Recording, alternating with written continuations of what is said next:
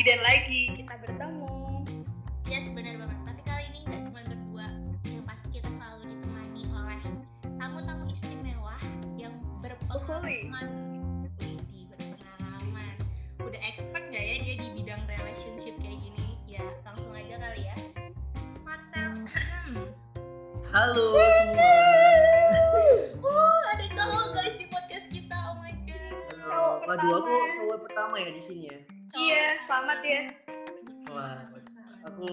sekali nih diundang sama. mantan. Eh, cie, mantan. Berat banget, berat Oke, banget. cariin sama mantan. Eh, tapi tapi kalau kalian kepo kenapa kita bisa ngundang Marcel, jadi lagi dan lagi kita ini satu UKM yang di choir itu guys. Jadi Bener. kalau kepo cek ke episode yang pertama ya tentang ngomongin Hmm. choir dah. Si Marcel ini ternyata juga jago nyanyi, pintar nyanyi. Hey, Kita semua jago nyanyi guys di sini. coba coba dites Waduh, nyanyi dulu. Waduh. Eh,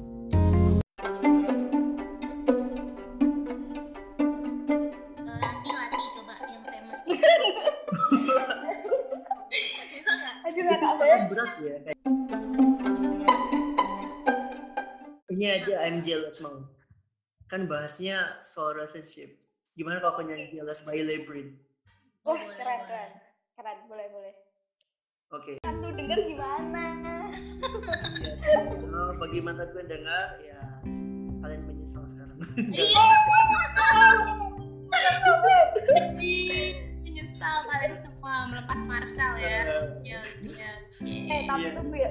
Kan Marcel bilang dulu dia playboy. Tapi sebenarnya di kuliah ini temenku ada yang kenal sama Marcel terus dia bilang kalau Marcel masih playboy sih sebenarnya. Dia masih ngerasain kalau itu Marcel ini ya suka main cewek yang gitu. Dia tanya kayak Coba gitu. kita dengar klarifikasinya. Oke oke. em, ini berlanjut ya berarti ya. Em, oke sampai kuliah ya. Kuliah pun aku sebenarnya em, apa ya punya mantan di Yang paling banyak di kuliah sih mantan. Yang benar official ya karena benar-benar Wah. udah pakai ritual itu. Eh, ritual di sini dalam artian bukan yang kayak penyembahan teater guys, tapi yang benar-benar kayak oh aku mau komitmen nih. Tapi ya kembali lagi guys, eh, aku pun eh, diselingkuhin Oh. gitu. Sensitif ini. Kamu Ya mungkin kita bisa bisa bahas nanti abis ini soal eh, selingkuhan selingkuhan itu ya. Oke. Kalau aku mau klarifikasi nih, kalau playboy sih eh, aku aku yakin dan percaya semua orang punya persepsi yang berbeda tentang diriku. Tapi percaya. ya aku yakin orang hanya memandang dari mata karena apa yang mereka lihat kan. Tapi eh, aku tahu Tuhan dan lain teman-teman dekatku tahu apa maksudku.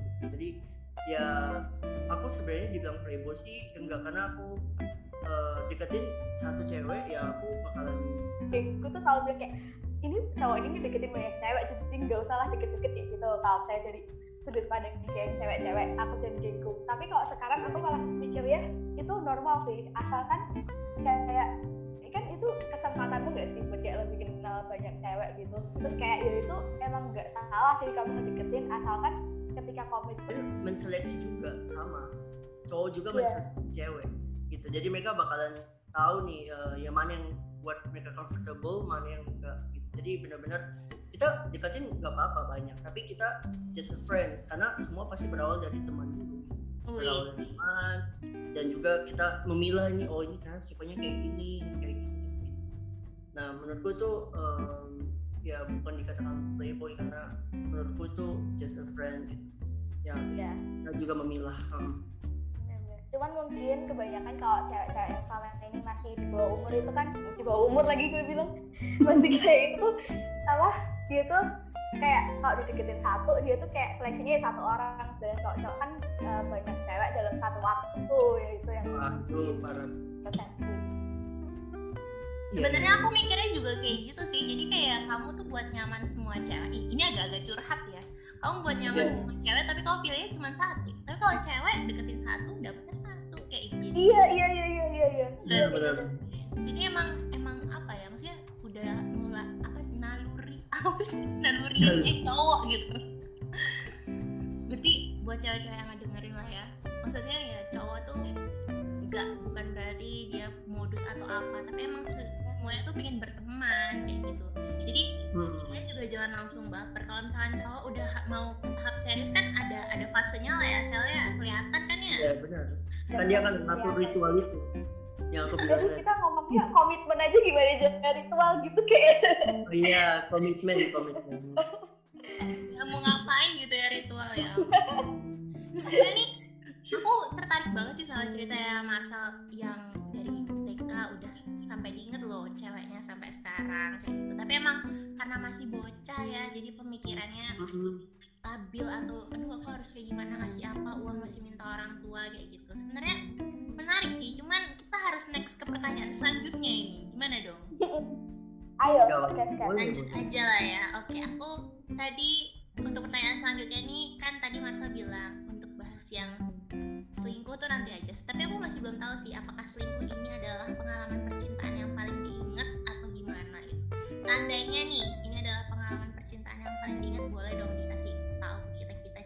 ceritanya gak usah detail-detail aja yang mungkin berkesan dan sampai membuat kamu merasa kalau misalnya ini tuh adalah pelajaran gitu buat kamu dalam hal percintaan aduh asik banget bahasa gue Oke oke, Em, aku merasa di awal masuk kuliah pun ini aku cukup matang ya untuk menanggapi hal percintaan kayak gitu. Karena aku mau mulai juga untuk eh, komitmen itu di awal kuliah ini. Em, waktu itu ada aku mendekati satu cewek dan ya udah pacaran waktu itu. Eh, dan dia itu eh, itu pertama kali aku merasakan gimana aku diselingkuhin karena em, dia masih mau balikan sama mantannya. ini juga. usia berapa sel? Em, aku usia 18, 19 kan. Hmm, oke oke udah ya benar udah matang lanjut Udah matang kan. Jadi benar-benar aku mikir, aduh, aku diselingkuhin nih. Eh, aku nggak bisa ceritain detail kenapa aku diselingkuhin, tapi aku paling ingat benar tanggalnya aku putus karena aku diselingkuhin itu.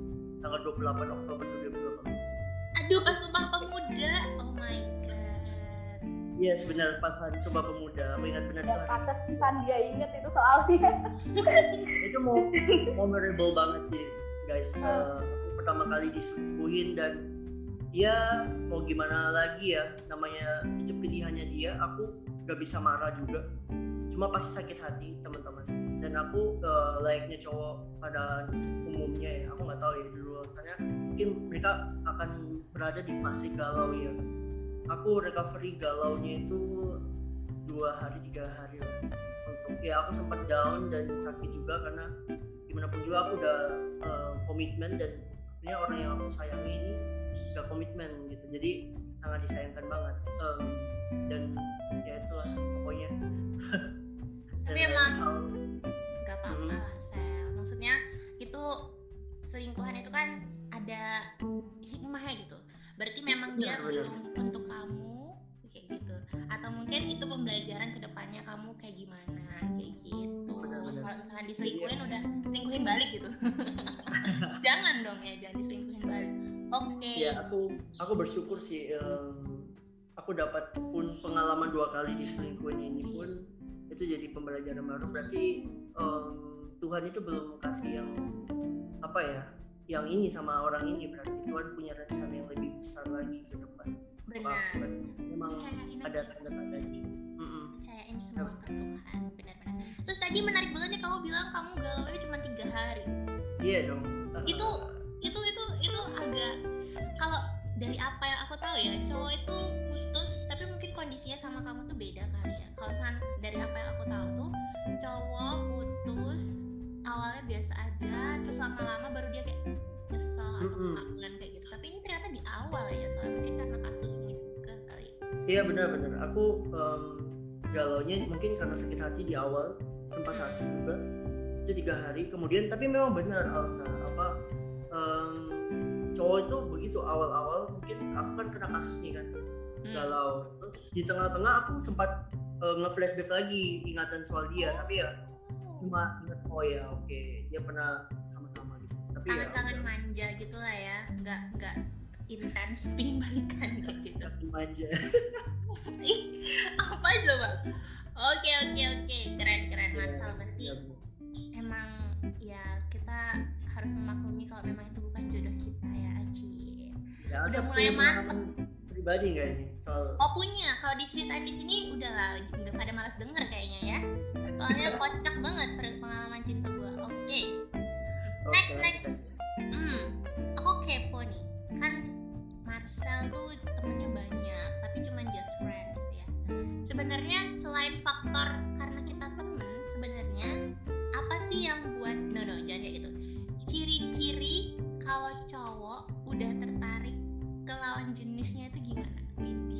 menarik nih. Ini menarik nih. Ui. Oke, menarik untuk dibahas ya. Aku melihat dari perspektif cowok ya. Hmm. Kalau cowok itu em, ini buat kalian kaum kaum cewek nih. Aku Widih. melihat kalau cowok udah mulai ada interest sama cewek, itu eh, pasti kalian tahu ya. Kita ngomong semua lah. Cowok itu kalau mau mendekati cewek pasti dibaik-baikin di awal dulu, bener gak? oh baru tahu sih aku itu tapi mungkin awal nggak sih? Terus benar Iya, benar. iya. itu pasti semua kan. Itu baik-baik di awal. Ya habis baik kemudian pasti di dalamnya itu ada dikasih pemberian ini apa perhatian gitu. Pasti kayak eh, kamu besok mau ke mana? Kamu nga- ngapain nih hari ini? Kayak gitu. Itu itu ada bentuk-bentuk itu adalah tanda-tanda di mana cowok udah mulai tertarik nih sama cewek. Dicampur dan juga em, kalau kalian sering chatting dan lain sebagainya itu berarti benar-benar cowok tuh udah mulai mau mendekati kalian. Jadi kalian siap-siap aja nih lihat perkembangannya dia ke depan karena Tapi- aku melihat cowok kebanyakan gitu. Ada juga cowok yang cuek sebenarnya. Iya baru mau aku tanyain tuh. Soalnya dia kayak jual mahal gitu. Iya nah itu tipikal yang cowok yang pertama yang kan banyak tipe ya banyak tipe cowok ya di dunia ini. Hmm. tapi ya aku tahu ya garis besarnya ada yang berdarah hangat sama yang berdarah dingin. Widih kayak Yang darah biru ada nggak tuh? iya serem. Lanjut lanjut. Ya pokoknya yang yang ramah dan yang cool gitu kan ada. Ya aku Hmm. makan dua itu ya. Kalau cowok yang berdarah dingin yang setahu ini aku tahu adalah eh, mereka itu nunggu momen di mana cewek yang harus kasih perhatian. Oh waduh. Ini. kayaknya itu doiku Ini. deh doiku tapi aku juga gengsi sih. Oke lanjut dulu lanjut dulu. Dengar dulu tipsnya.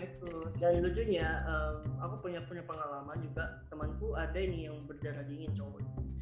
Eh, dan dia eh, mau deketin cewek tapi dia gengsi juga. Jadi sama-sama gengsi gitu. Ceweknya gengsi juga nggak mau memulai. Dia juga gengsi nggak mau memulai. Jadi nggak aja bakalan jadi gitu. Sayang banget. Sayang banget benar terus jadi eh, benar-benar kalau cowok yang berdarah dingin ini aku melihat bahwa ya dia harus tunggu timing lah ya. Setelah kita bilang timing ceweknya responnya gimana. Kalau cowok yang berdarah dingin ini lebih cocok mungkin em, sama cewek yang benar-benar apa ya humoris gitu. Hmm. emang punya pendapat lain. gitu oke Andini dulu Tapi nggak apa-apa, Alsa dulu deh. Kamu bilang emang apa? Ih jangan, nggak apa-apa. Aku kan ada guideline-nya, kamu kan nggak ada. Ayo lanjut. Tapi kemarin tuh aku habis dengerin podcast kan soal cowok cuek dalam kehidupan percintaannya gitu. Aduh, Nah, terus mungkin si Marcel ini termasuk hangat lah kalau pakai bahasa Marcel ya.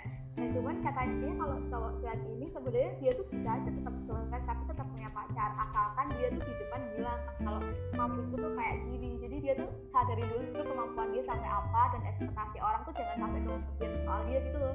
Jadi cewek di awal tuh juga tahu harus ngapain. Sebenarnya penting tuh komunikasi sih. Jadi walaupun ceweknya ntar dia anget lah ntar ceweknya juga dingin tapi setidaknya tuh ceweknya tuh nggak menerka-nerka ini cowoknya tuh kayak gimana apakah gue harus deketin atau apakah aku tuh harus kayak yang diem aja karena dia anget dia yang atraktif gitu loh jadi tetap ini loh aku tuh orangnya gini mungkin aku nggak bisa ngajak gandeng kamu di depan tapi aku selalu liatin kamu dari belakang dan ngejagain Oh. orang yang lihat kamu gitu katanya dia kayak gitu terus kayak aku oh oke jadi ya ya itu baper banget sih. Tapi kalau misalnya tipe orangnya ghosting gimana dong? Kan susah juga. Berarti itu udah lepas aja lah ya kalau misalnya ghosting lah ya. Bukan yang penting tuh walaupun cuek tapi tetap harus komunikasi sih. Walaupun kayak apa pun itu yang penting. Benar. Itu aku garis bawahi. Em, aku pun mengalami di masa pacaranku saat ini yang paling penting adalah komunikasi. Kita harus tuh kita itu harus terbuka satu sama lain gitu. Apa pun problemnya apa semua itu harus diceritain sih Benar. dari awal. Jangan kayak tadi ya, sama-sama gengsi terus nggak ada yang mulai, nggak ada komunikasi ya nggak jadi. Padahal kita nggak tahu kalau misalkan itu seandainya bisa bekerja gitu kan hubungannya ya. Tapi karena nggak ada yang ngomong nggak ada yang mulai udah deh bye bye gitu. Eh maaf aku lebih parah lagi dong waktu kuliah. Kenapa ini kenapa? juga ceritanya gue tuh udah ya nggak pernah deket sama cowok. Tiba-tiba cowoknya itu ngedeketin nanya-nanya terus sampai curhat-curhat dari telepon. Terus tiba-tiba beberapa minggu kemudian dia jadian sama cewek lain aduh itu berarti kamu nggak tahu backupnya aja tuh. Iya bener kayaknya gitu sih. Terus saya bilang aku tuh sampai dia tuh jadi curhat gitu sih tentang masalah cewek yang lain. Itu dia bilang kalau aku tuh sampai putus pertemanan loh sama sahabatku yang di X ini sampai kayak cerita demi jaga perasaan dia. Tapi dia tuh malah masih main sama cowok lain gitu misalnya kan. Terus Hmm. Kamu anggap aku apa yang gue ceritain gue telepon ini? Sampai kayak ya aku aku masih bingung sih sama konsep itu tapi katanya temanku mungkin dia tuh juga lagi nyari nyari itu kayak yang di awal gitu loh.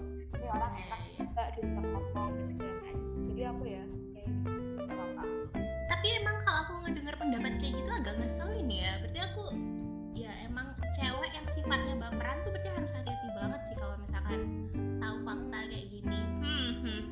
Wah, itu aku pernah punya pengalaman juga tuh. waduh pengalaman lu banyak sekali sel yang aku tuh misalkan itu bisa dijadiin buku kayak sel langsung laku Iya, bisa bisa. Aja. Bisa jadi it kita apa-apa. Marcel hmm, bener banget. Iya benar-benar. Tapi yang aku tahu adalah cewek biasanya, biasanya eh, jauh ini yang aku deketin biasanya tuh cewek yang baper duluan. uh. Gimana gimana? Ulangin tolong tolong tolong tolong. Aku masih nggak paham. Gimana? Benar-benar. Jadi eh, jadi aku pernah deketin cewek dia baper duluan. Eh, dan dia yang selalu eh, ya itu aku yang sedang aku sebutin yang ciri-ciri di cowok itu pindah ke cewek itu. Yang aku bilang di awal yang dia mau berdekatin itu. Jadi benar-benar kita bisa tahu nih cowok itu punya feeling guys. Eh, cewek ini benar-benar baper kita bakalan tahu. Kalau aku aku sendiri tahu nih berarti cewek ini baper nih sama aku. Jadi aku harus nanggapinnya gimana itu aku harus tahu sendiri aku cukup belajar juga cara menanggapin eh, conversation juga sama cewek tentang relationship juga aku pernah baca bukunya Wih, berarti pas banget tuh. Bintang tamunya cocok udahan. Sangat-sangat cocok ini. Berarti eh cowok tahu lah ya kode-kodenya cewek. Tahu nggak sih sebenarnya atau kayak eh, pura-pura nggak peka aja? Oke oke, aku pernah ya aku pernah juga eh, menjalin suatu hubungan dengan cewek yang harus penuh banget dikasih kode. Tapi menurutku eh, teman-teman, Hmm. kalian tanpa kasih kode pun harusnya ada cowok pun yang mengerti dan tahu kalau mereka benar-benar mengertiin kalian. Ya istilahnya kita bilang cowok kalah ya, Hmm. PK PK ya. Ya, itu. Tapi ya cowok pun kalau kalian tahu em, dikasih kode-kode pun itu itu ada bisa termasuk toxic relationship. Oh Karena ya? Iya, karena gimana pun juga eh, kalian harus ngodein dulu kan, baru dia ngerti. Iya benar bosan. Jadi sebaiknya benar kalian harus saling mengerti satu sama lain. Iya balik lagi ke komunikasi berarti. Oke. Iya benar. Itu kunci utama sih komunikasi. Tapi cowok punya kode nggak sih buat cewek? Kepo ih. Ada dong. Ada, coba dong sebutin sebutin kan kalau cewek, hmm, cewek tuh biasanya aku nggak apa-apa harus ditanya sama cowok kamu kenapa terus kalau misalkan yang di lagi ngetren sekarang tuh yang lapar yang langsung dibawain makanan kayaknya akhir-akhir ini Marcel juga lagi sering ngirim makanan gak sih ke temennya itu nggak tahu deh itu kode atau inisiatif ya coba dong pengen tahu kodenya cowok Oke oke. Em, apa ya lucu ya. Em, kalau cowok itu kodenya paling ya. Aku paling ingat cowok itu paling suka diperhatiin juga. Jadi eh, bukan cuma cewek, tapi cowok juga tuh pengen ada yang bisa bu- eh, mood busternya mereka gitu. oh iya Jadi kayak em, contohnya ini kalau lagi sama-sama bareng nih, ah pegel nih atau ah lagi capek gitu. Jadi itu kode di mana cowok itu berarti pengen mungkin dipijetin atau apa gitu. Ada ada yang cowok kayak gitu. Itu kode salah satu kodenya cowok juga kayak gitu yang eh, yang kalau mereka capek pengen diperhatiin atau apa, eh, pengen ditanyain problemnya apa. Itu salah satu bentuk kode sih tapi ya itu kembali lagi eh, dia pengen tahu nih seberapa tahunnya ceweknya ini akan keadaannya dia Hmm. Hmm, jadi kode positif lah ya nah nah ini nih yang pengen aku tanyain nih soalnya banyak cewek termasuk aku ya nggak sendirian. Itu tuh dia, dia tuh walaupun suka sama cowok nih maksudnya ternyata perhatiin cowok tuh merupakan hal yang susah loh. Soalnya kan dia tuh takut dikira cewek murahan terus atau enggak dikira cewek gampangan. Kok lu kok kayak gini mau gini mau? Selain dari tekanan sama cewek dia sendiri ke cowoknya tuh sebenarnya juga takut buat kayak dianggap gampangan dianggap kayak apa ya kayak dia tuh easy to get gitu loh. Nah jadi makanya tuh banyak cewek yang sebenarnya walaupun dia suka tuh diam aja. Terus kayak nungguin ada yang uh, apa atraktif duluan atau enggak. Kalau enggak ya udah dia masih kelas aja sampai nanti aja gitu loh. Hmm. Ah, oke. Okay. aku aku pernah mendengar sih kayak istilah-istilah uh, cewek gampangan dan lain sebagainya.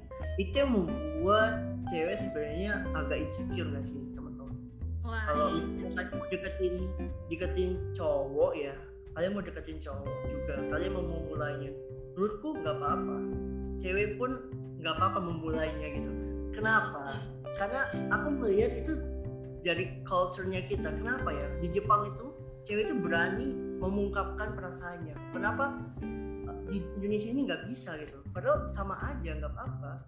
Satu sama lain cewek e, mengungkapin juga nggak apa-apa cowok mengungkapin juga nggak apa-apa. Tapi memang kalau culture Indonesia menekankan mungkin sama bawaannya kita juga ya. Mungkin karena oh, cowok yang harus memulai ritual itu ya iya, iya. Sampai jalan pun cowok harus di di di di jalanan gitu ya. Mungkin bukan biar dia ditabrak duluan kali ya biar ngelindungin cewek gitu. Nggak tahu deh gue. Iya, ini ceweknya harus di dalam pokoknya. Heran deh apa ya aku nggak tahu ya statement orang itu soal cewek murahan itu dalam artian apa. Menurutku ya cewek murahan itu ketika dia um, dia mengekspos dirinya dalam tanda kutip memberikan uh, apa ya dokumentasi tentang dirinya dalam artian gambar atau apa ke cowok itu. Itu menurutku dia eh, nggak hargai dirinya.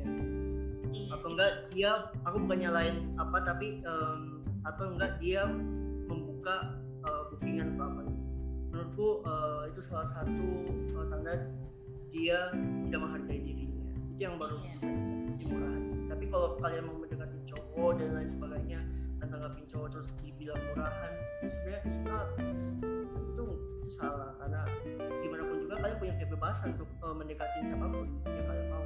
Nice nice statement yang sangat bagus. Emang sih kalau misalkan kita sebagai cewek kan bukan cewek aja sih sebenarnya cewek dan cowok tuh punya harga diri tapi semuanya juga punya batasan gitu. Kamu suka sama orang kamu mau ngedeketin orang kalau misalkan masih dalam status apa ya belum nikah gitu loh buat apa juga kayak gitu kan. Jadi mendingan ya dewasa lah secara apa insting. Boleh ya pokoknya kayak bisa menjalin hubungan itu dengan sepositif mungkin jangan toxic lah kayak gitu. Oke oke kita akan lanjut ke pertanyaan selanjutnya hmm. Berarti sebenarnya friendzone itu yang buat ada friendzone itu cowok atau cewek sih sel menurutmu? Ini menarik ya friendzone friendzone friendzone tergantung. tergantung sih menurut. Oh, tergantung. tergantung dari cowoknya atau ceweknya. Karena uh, gimana pun juga ya yang memutuskan kan antara cowok dan ceweknya gitu. Uh, menurutku hmm. gimana kondisi friendzone itu berada ketika ekspektasi uh, masing-masing dari kedua ini tinggi gitu. Sehingga yang satu ini nggak ekspektasi oh aku nggak mau pacaran sama dia tapi yang ekspektasi yang satu anggap aku mau lebih dari teman gitu kan. Sehingga yang yang ekspektasi kedua ini nggak sampai. Sehingga yang satu mungkin ceweknya nggak mau uh, pacaran tapi cowoknya mau pacaran sehingga terjadi friendzone jadi ekspektasinya nggak nggak apa ya level ya apa ya istilahnya. Iya kayak sampai kita bertepuk sebelah tangan ya. iya percuma juga gitu. Ya benar sih ya nggak apa-apa lah ya. Berarti kalau misalnya udah friendzone gitu kita go out aja lah ya. Jangan pakai friendzone friendzone gitu. Oh tergantung. Kenapa? Tergantung. Karena perasaannya mereka. Kalau mereka nyaman di apa ya di friendzone itu ya pasti mereka bakalan mutusin untuk tetap berteman. Gak mau pacaran. Iya. Tapi kalau bertepuk sebelah tangan kan beda kan kalau tepuk sebelah tangan kan uh, cintanya ditolak tapi uh, cewek ini suka sama orang lain kan? Iya iya salah satunya atau cowoknya. Benar kan? Kalau ini beda berarti ini cuma mereka nyaman aja. Mesti mungkin ceweknya itu nyaman ketika kondisinya ya aku mau berteman aja nggak mau pacaran. Gitu karena aku nyaman dengan berteman. Karena aku nggak mau uh, mungkin kalau pacaran sehingga pertemanannya mereka hancur. Wih, wih, itu itu deep banget sih gila. Friendzone tuh paling gak enak sih sumpah demi apa. Aku kejebak friendzone. Tapi, aku pernah mengalami. Oh my god. Pernah dua kali. banget. Tapi ujung-ujungnya, kenapa kenapa? Banyak itu mah dua. Iya, tapi ujung-ujungnya ya? tuh menang saya malah awkward kan Awkward. Karena kamu udah mungkin yang satu udah ngungkapin gitu tapi ah, sorry aku nonton aja gitu. Nangis nih gue. Soalnya tuh ya kalau friendzone yang aku bayangin tuh kayak teman tapi menikah itu loh Dito sama Ayu tau nggak? Yang kayak Ditonya suka sama Ayu dari lama akhirnya masih tetap temenan sampai akhirnya si Ayunya sadar kalau cari ke mana-mana pun ya tetap jodohnya si Dito itu teman dari SMP-nya itu kan karena mereka tuh kayak sabar banget terutama Ditonya ya. Sampai apa kuliah di luar beda kota pun si Ditonya tuh bolak-balik gitu ke Jakarta gara-gara nyamperin si Ayu dianya itu loh. Mm-hmm. kalau itu tuh aku bayangnya kalau satu aja ribet gitu dua gimana sa like ya kan kan kita coba-coba lah ya siapa jodoh kita gitu. Agak-agak agak gimana yeah. gitu mindsetnya? Tapi aku yakin sih teman-teman apa ya orang yang cepat itu datang di waktu yang tepat. Jadi kalian nggak perlu khawatir. Uh, apa pun itu pasti akan ada waktunya sih jadi ya jodoh benar nggak akan ke mana-mana. Oke, okay. akan ke mana-mana tapi nyangkut-nyangkut itu yang susah. Iya, jadi kayak ada kesan, dia gantungin iya coba diklarifikasi dengan cara komunikasi lagi balik ke komunikasi. Iya, iya, iya. iya. Eh tapi tadi tapi kan tadi itu secara apa ya maksudnya kalau kamu kan bilangnya kalau dia udah kalau cowoknya udah mulai care itu tandanya udah mulai udah mulai ada tanda-tanda ingin memiliki aja ingin memiliki maksudnya ingin digebet gitu lah ya tapi mm -hmm. kalau secara apa ya kalau aku mau bilangnya tuh mungkin di luar dari jadi kayak apa yang bisa buat cowok tertarik sama cewek? Jadi mungkin kepribadiannya atau mungkin memang cowok selama ini tuh lihat fisik gitu ya. Tapi kalau nggak fisik nggak usah spesifik lah yang disebutin kayak gitu. Mungkin oh dia cantik kayak gitu dong. Kalau menurut dari kamu gimana nih Sel? Oke. Okay. uh, kalau boleh jujur ya um, hmm, jujur jujur. 90% cowok itu pasti first impressionnya ke looks. Oke. okay looks. Oh ya aku juga sih kayak looks tuh ganteng gitu. Tapi udah sekedar semua mungkin aku nggak bilang semua cowok tapi aku mengamati 90% cowok uh, liatnya dari looks. Pertama ya? Karena ya kalau pertama aku yakin semua cowok sih. Karena mereka kan udah dari mata kan? Nggak mungkin iya udah iya, nggak mungkin mereka mereka dibisikin terus tiba-tiba kayak oh my god aku cinta banget sama orang ini. Ya kayak aneh banget. Ya dibisikin juga ngerasa cewek juga sih sebenarnya. Tapi kalau yeah. Iya. cuma sekilas gitu kalau nggak deket ya udah nggak jadi gitu hmm. lanjut sih dari looks uh, sepuluh persennya ini ya itu tanggal laundry lagi. Ada aku punya teman nggak pernah ketemuan tapi bahkan video call pun nggak pernah. Tapi dia sangat sangat sayang cewek ini. Karena kenapa? Dia dengar dari suaranya dia udah udah sayang. Nah itu yang orang-orang yang aku bilang sepuluh persennya itu. Dia hmm. benar-benar uh, first impressionnya dari suara dari perhatian dan juga karakteristik cewek jadi benar-benar yang paling utama sebenarnya yang 90% itu dari looks dan kedua pasti dari karakteristik kemudian attitude itu paling penting kemudian apa ya uh, tapi tergantung lagi cowok itu punya pilihan berbeda-beda aku bingung ya. Uh, ada yang memang mereka nggak punya itu yang aja jadi cowok bingung. Ada yang melihat dari visi tapi kebanyakan fisik juga. Dari dari itu itu hmm. tapi yang paling penting kalau menurutku adalah uh, karakteristik dan attitude-nya. Kalau di mana kalian karakteristiknya nggak cocok sama kalian pasti nggak bakal bisa apalagi tengkar-tengkar terus tiap hari. Wah. Iya iya benar-benar wah berarti emang kita tidak bisa misalkan ya kita ngelihat tapi kan cantik itu relatif lah ya Sel. Maksudnya benar, benar, menurut benar. kamu ini cantik menurut dia nggak cantik kayak gitu ya dilihat. Hmm. apa kayak sense oh kok sense ya jadinya? Maksudnya tipe atau penglihatan seseorang untuk bilangan cantik itu beda kayak gitu. Jadi kita cewek-cewek janganlah insecure. Kalau memang kepribadian kita lebih baik ya sudah mengapa tidak? Tunjukkan saja kayak gitu. Benar benar. Benar relatif relatif sih menurutku cantik natural pun ada cantik makeup pun ada. Semua tuh cantik relatif berarti dapat diciptain ya kan? Nah, itu Iya. asik. tapi menurutku semua cewek cantik. Asik, Dasar, gila nih yang denger udah tanggung jawab loh Ntar Iya. Instagrammu penuh. Aduh, aduh, gimana dong? Tapi jadi ya kalau perspek- perspektifku itu yang dimaksud cantik tuh mungkin jadi versi terbaik dari diri kita. Ih, gila, kayak gitu loh maksudnya. Jadi maksudnya Iya, jadi kan kayak misalnya oke lah setiap orang pasti beda ada yang sama muka beda, warna kulit beda itu buat fisik kan. Tapi maksudnya gimana? Mungkin kita tuh belum dapat atau belum apa ya belum nemu yang pas tuh sebenarnya karena kita tuh juga belum mengusahakan gitu loh yang terbaik dari kita. Mungkin karena misalnya nih kamu ya dikit lah lipstick kan kalau emang diperlukan terus ya sisiran lah setidaknya atau olahraga paling gak penting makan tiga kali sehari Gue kan. kesindir anjay.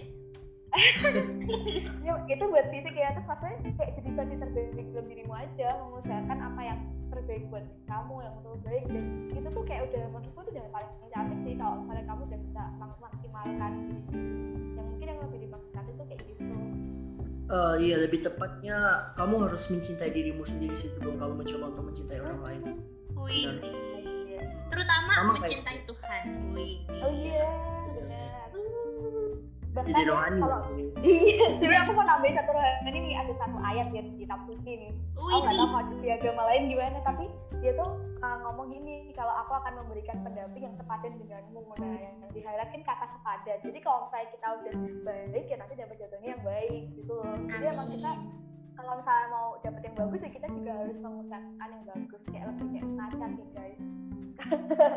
Bener. kalau misalnya gitu. Kenapa juga ada istilahnya beauty inside kan yaitu yang yang, yang Andi dibilang juga cantik itu jangan cuma di luar tetapi di dalam pun harus cantik dalam ini dalam artian bukan dalam baju ya teman-teman maksudnya di dalam.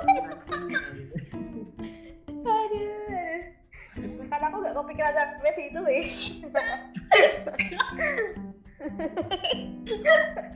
Oke, oke. Oke. Gak bisa. Aku masih ngerasa itu lucu sih. Gak apa-apa dong. Jadi podcast bebas ketawa kan. Iya. Iya. Lepaskan suaramu. Eh,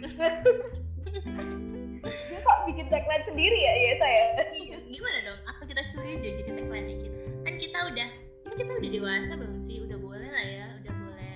Ya udah lah ya, udah udah bisa. Mm-mm, yang kayak tadi. Kalau masih 10 kecil kan, tahun yang lalu tuh umur 17 tahun udah dinikahin, udah punya dua anak. hah, apa-apa. Iya. Oke, tapi kan maksudnya dari cerita-cerita yang kita dengerin itu kalau misalkan dari kecil aja kita udah kayak mulai punya ketertarikan sama lawan jenis kita gitu.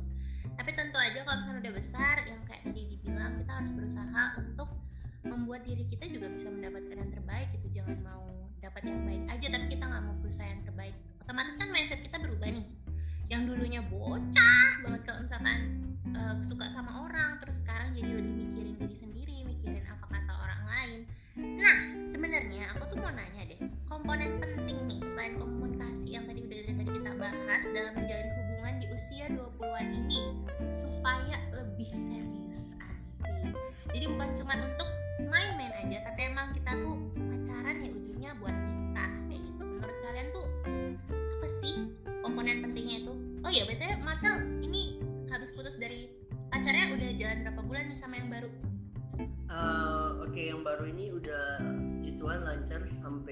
bulan sekarang. Waduh, udah mau setengah tahun, keren keren keren, dipertahankan sampai nikah ya, amin ya, amin gak? nih? Amin Amin. amin amin amin. Amin. Kita dapat aku mau- undangan, amin. Amin. Amin amin. Kalian juga amin. Aduh, Amin. Eh, Di sini isinya amin, amin, amin. isinya amin semua. ya. Kita doa bareng aja abis ini ya, baru kita semua. Kita doa bareng. Oke, Alsa, benar sih em, komponen penting ya dalam suatu. Yang tadi yang udah disinggung juga satunya itu komunikasi benar. Apa pun yang kalian rasakan, apa pun yang kalian eh, pikirkan tentang pasangan kalian, apa pun problem yang kalian alami, itu kalian harus ceritain semua ke pasangan kalian. Kalau dia mau jadi pendengar yang baik, menurutku uh, hubungan yang baik adalah diawali dengan fondasi yang baik juga yaitu dibangun oleh kepercayaan dan juga komunikasi yang baik gitu. saling percaya uh, mana pun juga uh, selain komunikasi saling percaya itu juga sangat penting. Karena kalau kita nggak saling percaya sedikit-sedikit kita pasti akan mikir negatif terus nih ke pasangan kita kalau kita nggak percaya. Contohnya aku pernah mengalami hubungan di saat aku uh, punya cewek itu posesif banget nih. Berarti dia nggak percaya sama aku nih. Ya apa pun dia minta password IG password HP makanya. Iya benar intinya dia nggak percaya sama aku ya kan? jadi uh, aku pun kehilangan kepercayaan sama dia. Yang paling penting uh, dari komunikasi kepercayaan dan juga kejujuran. Kalau kita saling jujur satu sama lain terbuka satu sama lain ya itu kembali lagi kita pasti akan ceritain semua gitu. Kembali lagi ke komunikasi. Jadi akan memutar terus ya gitu. Oke itu dari Marsal ya berarti komunikasi harus terbuka jujur kayak gitu. Emang aku mau sharing ya kalau misalkan kayak password gitu itu privacy wah lu belum nikah aja kayak gitu. ya, benar. ini agak gimana gitu? Maksudnya kan orang kalau misalkan kita tahu passwordnya ini passwordnya ini malah itu menimbulkan kesalahpahaman yang lebih banyak. Karena kita tuh cuman ya berteman dengan siapa aja kan. Masa kamu mau larang larang larang sedangkan aku udah punya kamu gitu ke sana. Jadi kita kayak udah partner in life gitu tapi kamu gak percaya sama aku. Gimana dong itu? Itu benar-benar kayak ada privacy kita sama orang tua juga mungkin kayak di sosial media atau mungkin teman-teman terdekat dan bahkan keluarga besar. Menurut gue itu agak aneh sih nggak tahu ya menurut Andini gimana tentang password dan segala macem itu. But uh, menurutku tuh selain yang Marcel bilang tadi ada juga loh secara psikologisnya untuk mempertahankan sebuah hubungan itu. Tapi sebelum aku mau lanjut mungkin Andini ada tanggapan atau apa gitu? Kode dong kode gitu. Oke okay, biar gak numpuk ngomongnya. Jadi aku setuju sih kalau password dan lain-lain itu apa tanggung jawab masing-masing. Sekarang pikirnya gini aja deh oke okay, sekarang kamu bisa manage password cowokmu bisa manage apa Instagram cewek tapi nanti di kehidupan yang akan datang kan privacy tidak cuma Instagram dan sosial media. Terus sampai kapan kamu mau ngatur hidup orang lain ya walaupun nantinya menikah nanti pacaran tapi menurutku setiap orang butuh privasi dan kalau kamu juga bisa menghargai itu wah parah sih kayak ngatur banget dan itu bakal sesek. Apa ya walaupun itu nggak salah cuman kayak kamu harus mikir lagi itu bener nggak yang kamu lakuin? Toxic gak bisa bikin pasanganmu nafas atau enggak? Kayak gitu sih kalau jadi aku. Makanya aku tuh juga ya kalau misalnya uh, kriteria pasanganku yang dulu sama sekarang tuh beda banget sih sama kalau sayang dulu tuh aku tuh paling tuh suka orang yang kayak ganteng yang bisa kayak pengertian dan segala macam. Tapi sekarang tuh aku lebih kayak uh, tertarik sama kayak cowok yang mandiri gitu loh. Soalnya kalau mandiri itu berarti dia tuh um, apa ya kayak menghargai segala sesuatunya. Mandiri kan berarti mengusahakan apa pun sendiri dengan baik dan tidak menyusahkan orang lain. Dan buat dia berjuang sendiri kan dia harus kayak punya tanggung jawab responsibility terus lebih menghargai sama hal-hal yang kecil yang bikin dia jadi besar menurutku aku menghargai itu banget dan orang yang bisa menghargai itu pasti bisa menghargai aku nantinya. Gitu sih. Benar-benar aku setuju banget itu yang aku pikirkan juga sehingga aku juga sekarang uh, lagi menjalin hubungan dengan cewek yang sangat independen dan sangat menghargai akan waktuku akan usahaku dan juga uh, dan juga di, kita tuh saling percaya dan juga apa ya selama lima bulan pun ini kita ada pernah tengkar satu sekali pun jadi kita benar-benar uh, amin lah lancar-lancar aja tapi aku yakin in, in the end of the day pasti satu saat pasti ada problem. Dan problem itu pasti selalu ada teman-teman. Jadi memang kita harus bisa solving di saat itu juga. Nah, ini permasalahannya adalah gimana kalau kita menunda uh, ada problem dengan pasangan kita itu bakal lebih long term dampaknya. Makanya dari itu jika kalian punya problem sama pasangan kalian kalian harus secepatnya menyelesaikan juga hari ini juga lah jadi kamu selama ini sejalan terus pemikirannya sama si itu? Iya, hidup ini. serius? Oh my god keren banget sih. Dia tuh selalu kayak ngeiyain apa yang kau mau atau kamu ngeiyain apa yang dia mau atau dia pernah komunikasiin dia nggak sukanya ini dia maunya ini? Kita aku selalu bisa telepon gitu aku tanyain uh, apa yang kamu bisa kesal dari aku.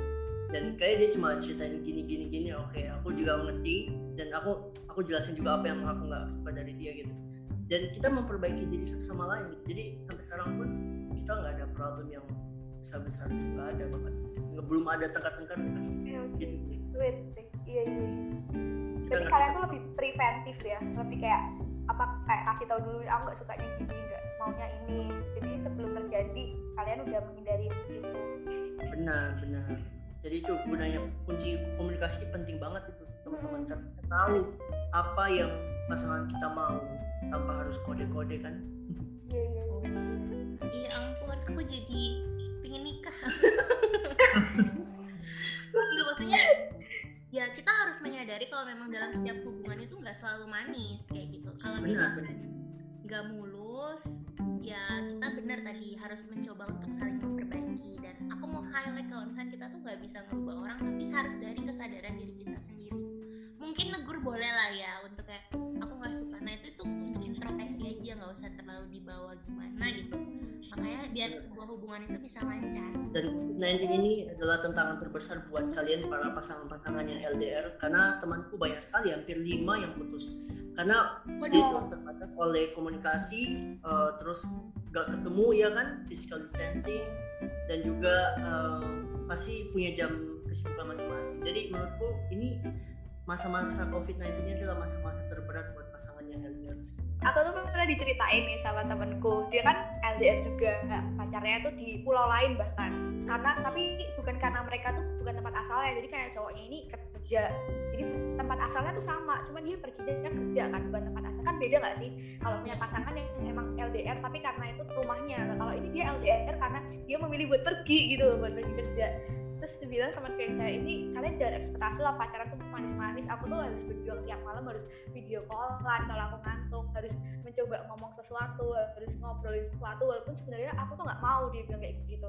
Supaya apa? Supaya komunikasi tuh terjalin terus kayak nggak nggak lost kontak gitu loh. Soalnya kalau ngikutin kayak udah males nggak mau ngomong atau apa pun ya itu bisa jadi kayak putus-putus gitu. Jadi emang berkorbannya tuh beneran yang kayak walaupun lo males tapi lo tetap harus ngabarin dan harus cerita kayak gitu.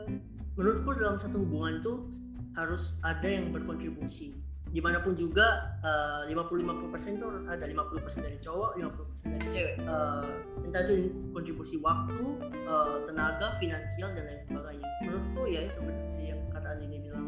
Hmm, habis kontribusi kolaborasi. Oh ini Asik. ini mau bikin organisasi atau mau bangun rumah tangga? Iya. Eh, tapi bener kan kita harus kolaborasi karena kalau misalnya kita nggak iya, iya, iya. kolaborasi nggak akan ada kompromi. Komunikasinya ngadet ngadet terus tuh di situ. Kita tuh udah maksudnya udah udah bisa. Maksudnya usia 20 tuh kita harus yang namanya yang tadi dibilang selain mandiri untuk dilihat sebagai seseorang yang mandiri kita juga harus bisa untuk menjalani kehidupan kita secara mandiri gitu loh. Nggak jangan cuma pengen dilihat orang kita mandiri gitu. Tapi kita juga harus bisa menjalani itu secara mandiri. Kita harus bisa self manage dengan baik emosi untuk menjalani sebuah hubungan kayak gitu gitu kita juga harus aku tadi tuh belum nyebutin loh komponennya dalam percintaan untuk menjadi sebuah hubungan dalam psikologi kalian asik cerita nih aku jadi asik denger juga Oke, okay, oke. Okay. Nanti kita dengar pakar psikologinya nih. Tiga. Jadi di cerita Jangkar itu emang khusus untuk apa ya? Khusus untuk mengedukasi kita di usia 20-an kayak gitu. Komponen percintaan yang menurut Steinberg itu ada tiga, teman. Kalian udah juga cerita kan tadi tentang cowok tuh juga butuh perhatian dan cuma cewek aja. Nah, itu tuh bagian dari intimasi. Intimasi itu kayak nyaman gitu loh. Jadi benar, gak cuma fisik aja, tapi kenyamanan itu juga penting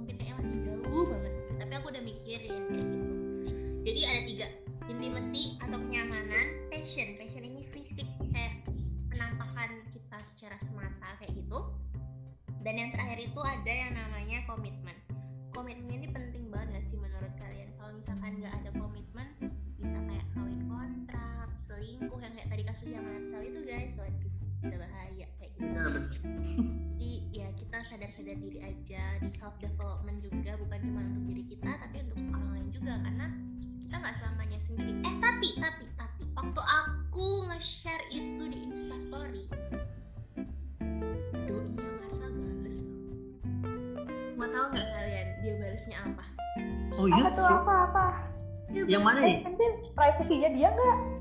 Oh enggak enggak ini enggak privasi malah ini akan jadi close statementku. Jadi kayak ini bakal jadi penutup cerita jangkarku statementnya Oh. dia akan jadi closing statement di cerita jangkarku. Kayak gitu.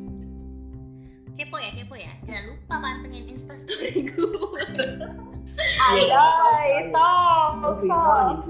ya pokoknya dibales lah kayak gitu. Nah ini aku sukanya emang dari doinya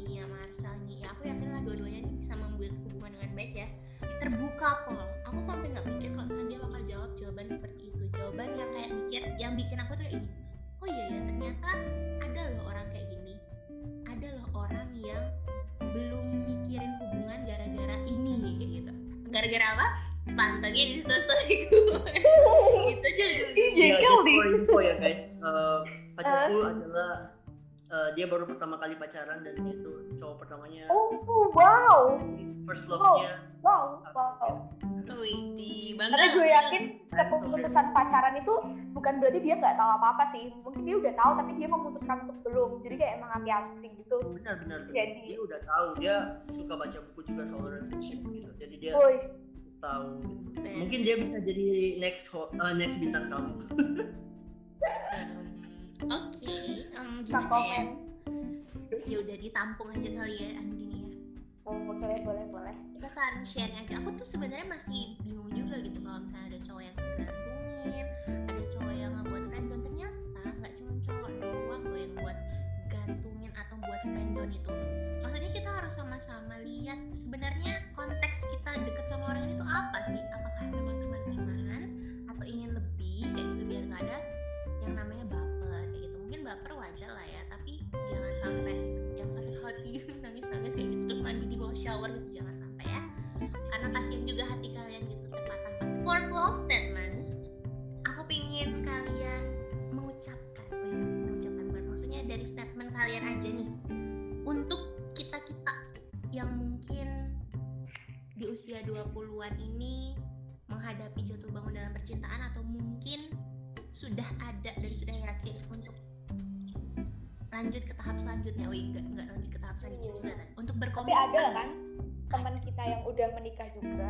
Oh iya, benar. Maksudnya untuk gi- pesan lah gimana sih supaya kita menjalin hubungan yang baik di usia 20-an ini supaya tidak meminimalisir konflik lah ya kayak gitu istilahnya.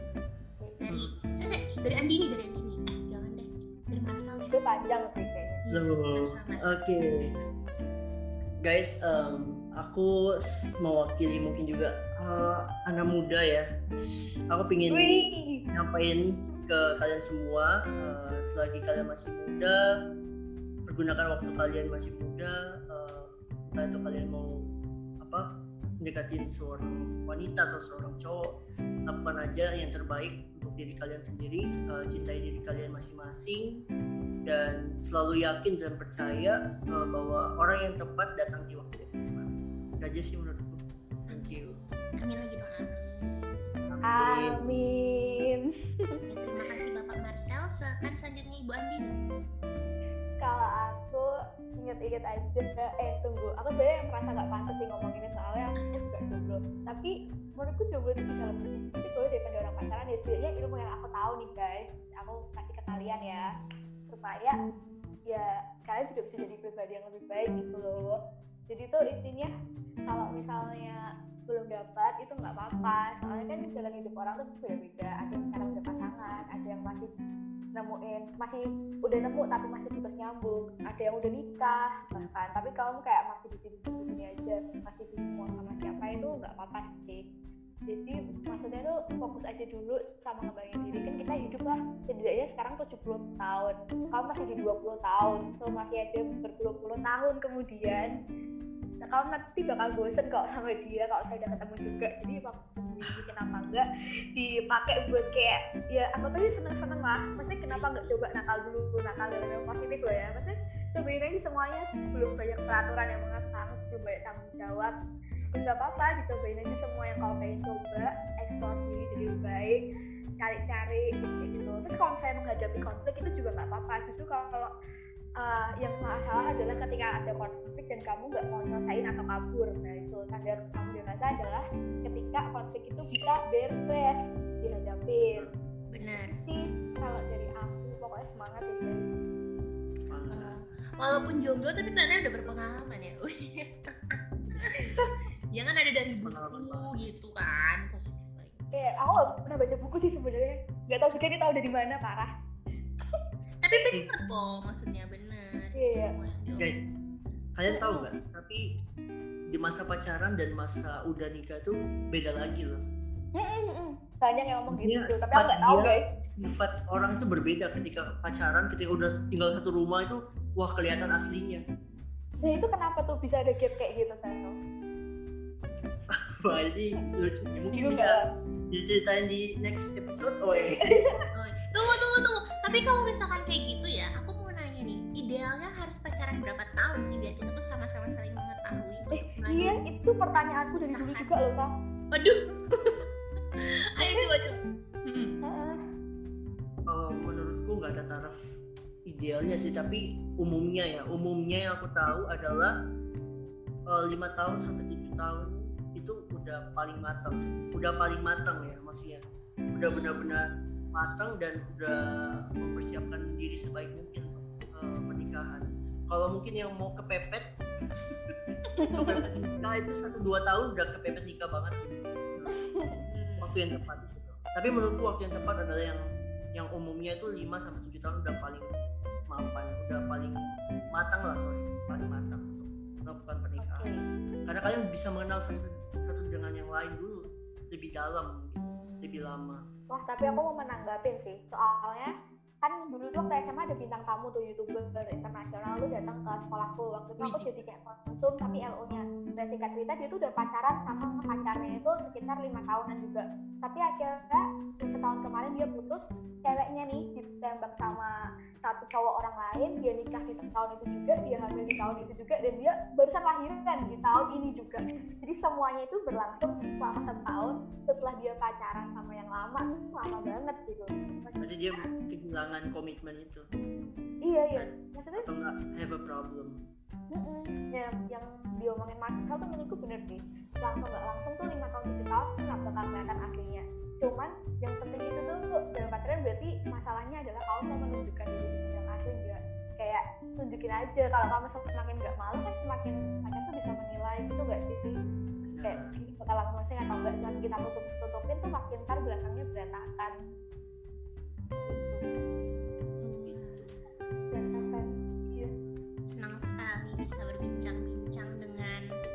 dua orang yang sangat sangat sangat sangat independen what? Independen enggak maksudnya berpengalaman terus mereka juga ngasih insight-insight yang ubu-ubu banget ya sih? Maksudnya buat kita-kita yang di usia 20-an atau bahkan remaja nih yang di bawah 20-an ini tuh bisa banget dipakai buat ke depannya kalau misalkan kalian mau ngejalin hubungan. Kalian udah tau lah ini tuh adalah suatu hubungan yang nggak boleh main-main kayak gitu.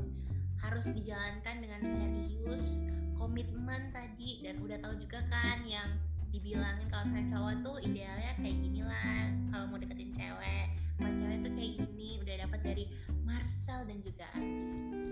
Baik sebelum kita menutup apakah ada tambahan lagi dari dua orang ini? Atau gimana nih? Udah sih. udah. Andi ini juga udah? Udah udah. Oke. Mari Udah kita promosi sejenak. Promosi jadi terima kasih buat semua yang udah ngedengerin hari ini Yeay! jangan lupa follow IG cowok tampan Wih, cowok tampan di sini apa nih. IG-nya yang mau dipromosiin silahkan Oke, eh, guys follow aku ya di Instagramku Marcel underscore Tansil. Jangan lupa juga follow eh, IG bisnisku Yamit at Yamit y u m m dot it. Oke, Ibu Andini, Ibu Andini jangan lupa di follow IG-nya apa nih Andini Iya, dulu. underscore. Kalian pasti udah follow dong kalau udah nontonin dari episode pertama ya kan ya kan ya kan ya kan. Wajib follow guys, wajib follow kita bertiga supaya kalian mungkin mau konsultasi tentang percintaan. Wih, di ada pakar-pakarnya di sini ya. Wih, Waduh. Aku Ya, sampai dibilang dokter cinta loh Wih. di di salah satu komunitas voice talk. Waduh, Oh, iya? Waduh, komunitas apa ya itu boys talk? Tersebut namanya di sini ya. Kalau mau tanya-tanya lebih lanjut, tanya aja langsung di DM. Wih, oke oke banget. siap siap siap. Ya Oke. intinya kita juga nggak perfect sih, tapi kan kenapa apa salahnya gitu kalau mau sama-sama belajar ya nggak sih? hmm. Dengar-dengar aja. Kan itu tujuan dari podcast ini membuka perspektif dari seluruh orang di dunia. Wih, amin. Ya bener banget. iya kayak gitu. Oke, Oke, terima kasih siap buat semua yang udah ngedengerin dan juga bintang tamu dan narasumber kita pada hari ini semoga podcast ini bermanfaat untuk kalian dalam menjalin sebuah hubungan. Dan pastinya ya jangan lupa juga tadi di follow IG ya. terima kasih banyak untuk hari ini. Yay see you later guys. See you guys. Thank you, thank you.